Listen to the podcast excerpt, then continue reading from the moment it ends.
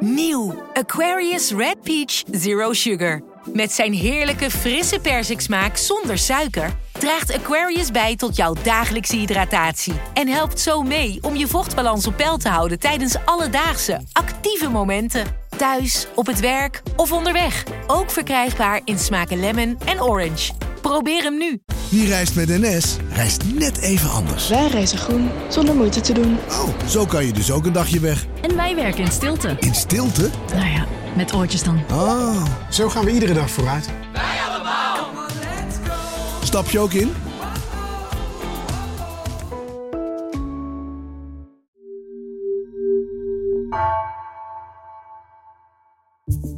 Vanaf de redactie van NRC het verhaal van vandaag. Mijn naam is Egbert Kalsen.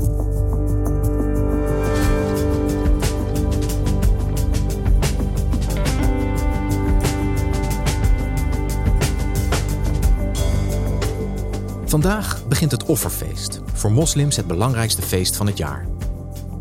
Maar in Marokko zijn offerdieren zo duur geworden dat veel mensen zich zelfs in de schulden steken om ze te kunnen betalen. Correspondent Oumema Ebelhesh ziet hoe het offerfeest de economische malaise in het land alleen maar erger maakt.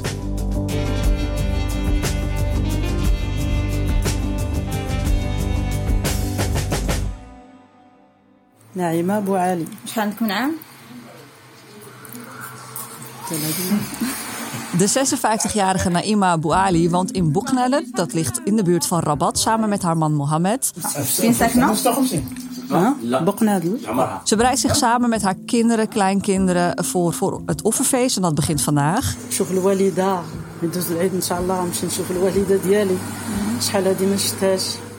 Naima gaat met haar gezin naar het platteland waar haar moeder woont. Uh, die gaat ze dan opzoeken tijdens het offerfeest. Uh, ze heeft haar moeder al heel lang niet gezien. Maar voor haar en haar familie gaat het offerfeest er toch net iets anders uitzien dan voorgaande jaren. Want normaal gesproken haal je als familie een schaap of een koe en dat slacht je dan tijdens het offerfeest. Maar de schapen zijn dit jaar zo duur geworden dat heel veel Marokkanen het niet kunnen betalen.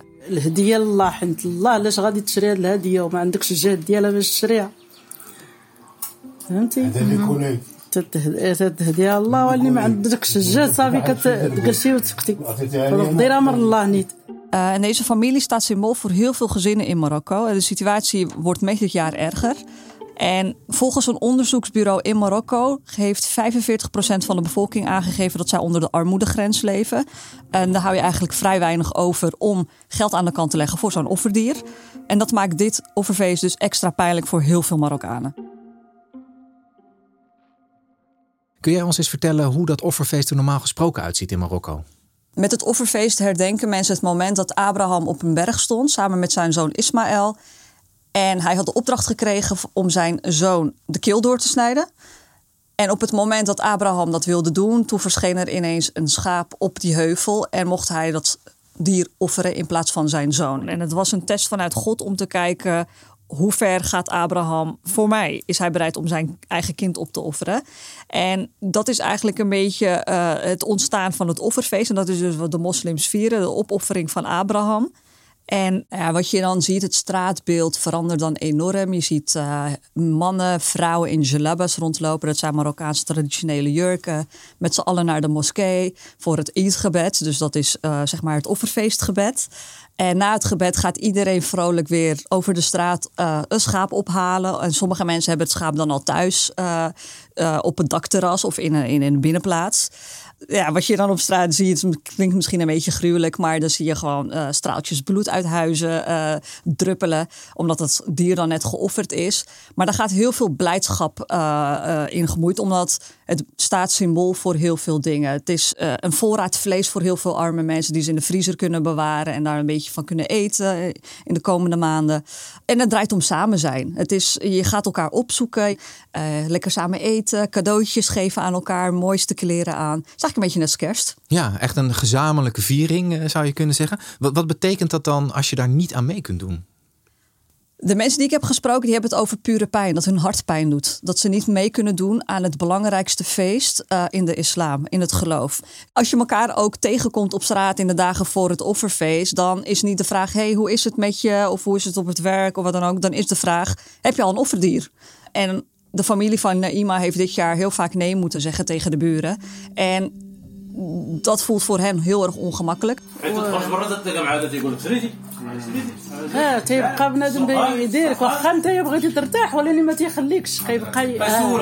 En ze vertelt ook dat haar kleinkinderen worden gepest. Dat zijn de achtjarige Mariam en zesjarige Hajar. Die worden door vrienden op eh, school of op eh, speelplaatjes gevraagd of ze al een offerdier hebben.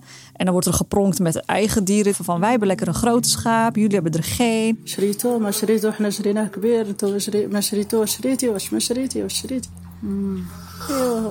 De kinderen worden dus eigenlijk gepest omdat ze arm zijn, omdat ze dus niet genoeg geld hebben om een schaap te kopen. Dus die sociale druk is enorm groot. Terwijl volgens de Koran hoeft een arm gezin geen dier te offeren. Je hoeft alleen een offer uit te brengen als jij je dat financieel kan permitteren. Nou, wat je dan ziet is dat door die sociale druk heel veel Marokkanen leningen afsluiten om alsnog een offerdier te kunnen kopen. Om dus te voorkomen dat buren, familie, kennissen nare dingen gaan zeggen. Terwijl ze vanuit de islam zijn vrijgesteld. Dus het zegt wel iets over hoe belangrijk dit feest is in Marokko. En kan jij eens uitleggen hoe het komt dat juist dit jaar zoveel mensen moeite hebben om zo'n offerdier te kopen? Waarom het offerfeest dit jaar zo, zo problematisch is voor veel Marokkanen? Nou, dat heeft verschillende oorzaken, maar één daarvan is dus de inflatie. Die komt door de oorlog in eh, Oekraïne met Rusland. Een andere oorzaak is de droogte. Eh, het land is al jarenlang kurkdroog en nu worden de gevolgen echt merkbaar. Zo is bijvoorbeeld het veevoer dit jaar heel duur geworden voor de schapenhouders. Die moeten de beesten voeren. En een schapenherder die vertelde ook dat hij normaal gesproken... Ja, een schaap heeft drie kilo per dag nodig. Drie kilo aan veevoer. كمان العلف غالي الخروف ضربته يضرب 3 كيلو في النهار ب 15 درهم كل كيلو ب 15 درهم كل 5 درهم الكيلو كيلو واحد En dat kostte een dirham of twee.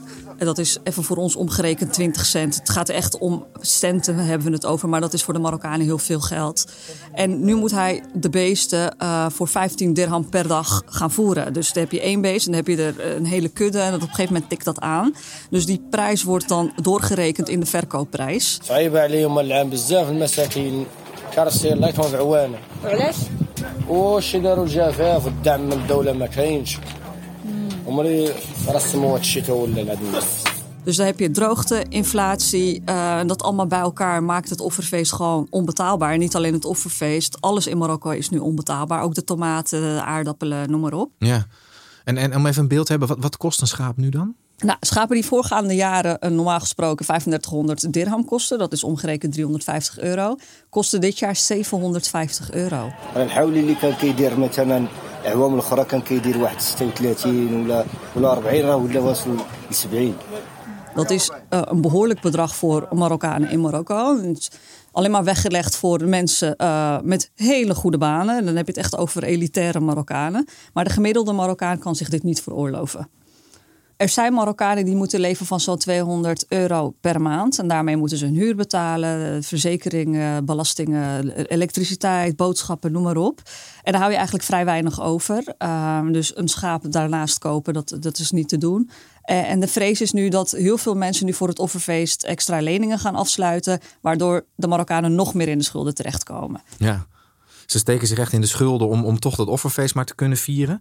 Ehm, voelt, voelt de Marokkaanse overheid zich nog op de een of andere manier verantwoordelijk hiervoor? Kunnen zij iets doen om dit probleem te verlichten voor de mensen?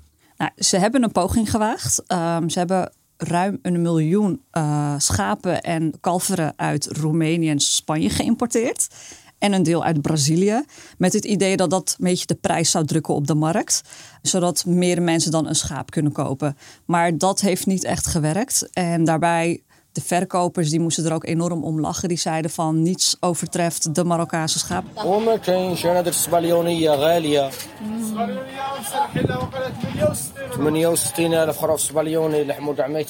De schapenverkoper zegt de Spaanse schapen zijn heel duur en het vlees is niet te vreten. Al die importschapen, dat moeten ze niet meer doen.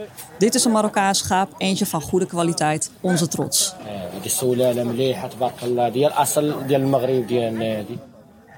Dus ze hebben, ze hebben heel veel offerdieren zeg maar, geïmporteerd. Heeft dat dan helemaal niks, niks gedaan voor de prijs? Helpt dat helemaal niks? Nee, nee, het heeft niet geholpen. En het was ook eigenlijk een beetje eh, een pleister plakken van de regering.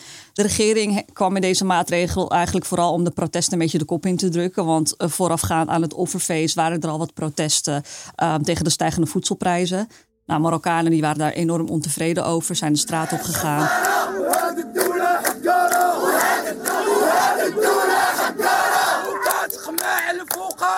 En om ervoor te zorgen dat dat niet meer gebeurt, komt de regering dan altijd met een beetje uh, maatregelen om de mond een beetje te snoeren. In de hoop dus dat de Marokkanen thuis blijven.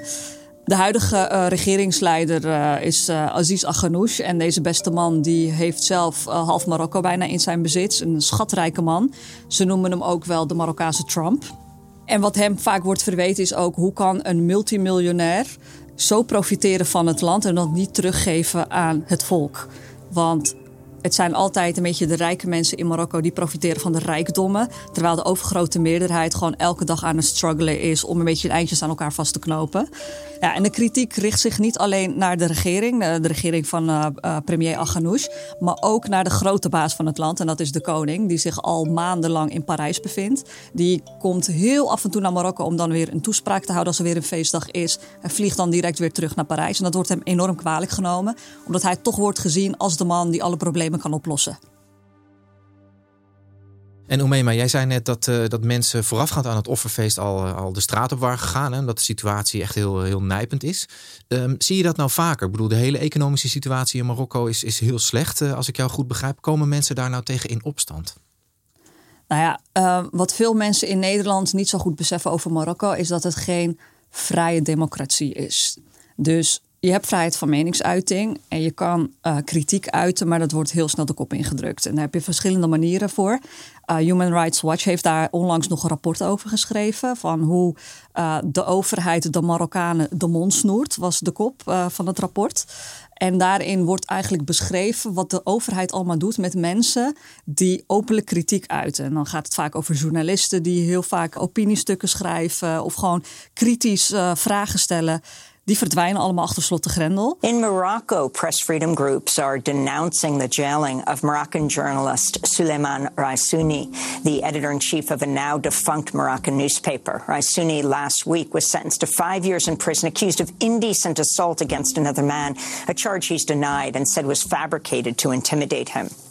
Wat ze dan vaak doen is dat ze je telefoon gaan aftappen. Je wordt bedreigd, je familieleden worden bedreigd. Er wordt een beetje druk op je uitgeoefend. En als je dan al kritisch uh, dingen opschrijft of uh, roept dan voor je het weet heb je ineens een aanklacht van verkrachting aan je broek. Raissouni is one of at least 10 Moroccan journalists who've been jailed in recent years, many of them accused of sex crimes.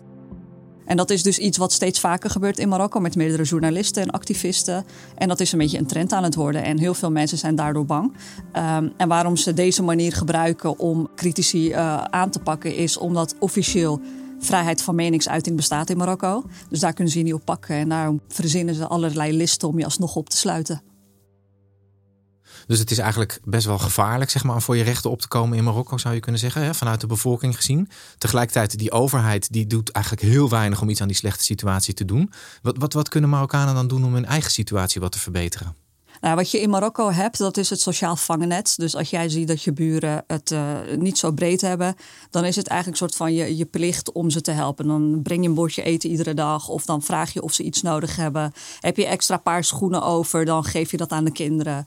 Uh, en zo proberen de Marokkanen elkaar te helpen, want op de overheid hoef je niet per se te rekenen. Dus dat is wel een trend die eigenlijk al je, uh, best wel oud is. Maar, er zit een grote maar aan, dat wordt ook steeds moeilijker. Want ook de mensen die normaal gesproken aan liefdadigheid doen, ook zij hebben het heel zwaar. Dus die zijn alleen maar bezig om zichzelf uh, een beetje te redden. Dus oog voor de buren wordt steeds lastiger. Dus wat je wel ziet is dat echt heel veel Marokkanen ontevreden in Marokko leven. En steeds meer mensen naar Europa willen gaan. Omdat ze gewoon geen toekomst meer in eigen land zien. Um, nou, Rutte heeft net een deal gemaakt met Marokko dat mensen die illegaal in Nederland zijn, worden teruggestuurd. Maar daarmee los je het probleem niet op dat, je, nou ja, dat er mensen überhaupt naar Nederland komen. Ik bedoel, de kern is, het gaat financieel niet goed in Marokko. Dus mensen willen naar Europa. En zolang dat niet wordt opgelost, zullen de Marokkanen richting Europa komen in de hoop op een betere toekomst. De mensen die ik daar spreek, die hebben het over er is geen toekomstperspectief in Marokko. Je kan studeren wat je wil, je kan masters hebben op zak, je kan uit goede familie komen, maar dat helpt tegenwoordig helemaal niks meer. Dus ze gaan veel liever wagen ze die kans naar Europa, dat ze daar dan kleine klusjes kunnen doen als ze al überhaupt een status krijgen. Want Marokko is een veilig land, wordt Europa niet erkend als een land waar uh, mensen recht hebben op asiel. Maar toch hebben Marokkanen dat veel liever dan thuis blijven. In Europa hebben ze tenminste nog hoop dat ze ooit ergens aan het werk kunnen komen. En dat het leven misschien wat beter wordt. In Marokko is die hoop er helemaal niet meer. En uh, Omema, tenslotte, um, als we nog even teruggaan naar, uh, naar de familie van uh, Naima, die jij gesproken hebt. Hoe gaat dat offerfeest er nou voor hun uitzien? Hoe gaan zij de komende dagen beleven?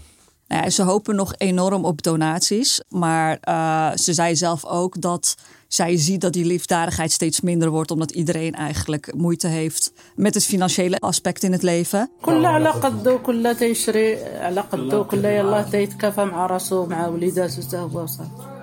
Dus wat zij nu voor ogen heeft, is gewoon met de kinderen en kleinkinderen in de woonkamer zitten. Een piepkleine woonkamer. En dan misschien aan een, een, een kipgerecht klaarmaken.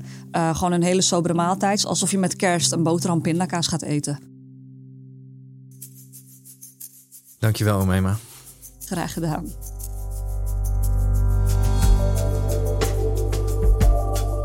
Je luisterde naar vandaag, een podcast van NRC. Eén verhaal, elke dag. Deze aflevering werd gemaakt door Anna Korterink, Mila Marie Bleeksma en Misha van Waterschoot. Coördinatie Henk Ruigrok van de Werven. Dit was vandaag.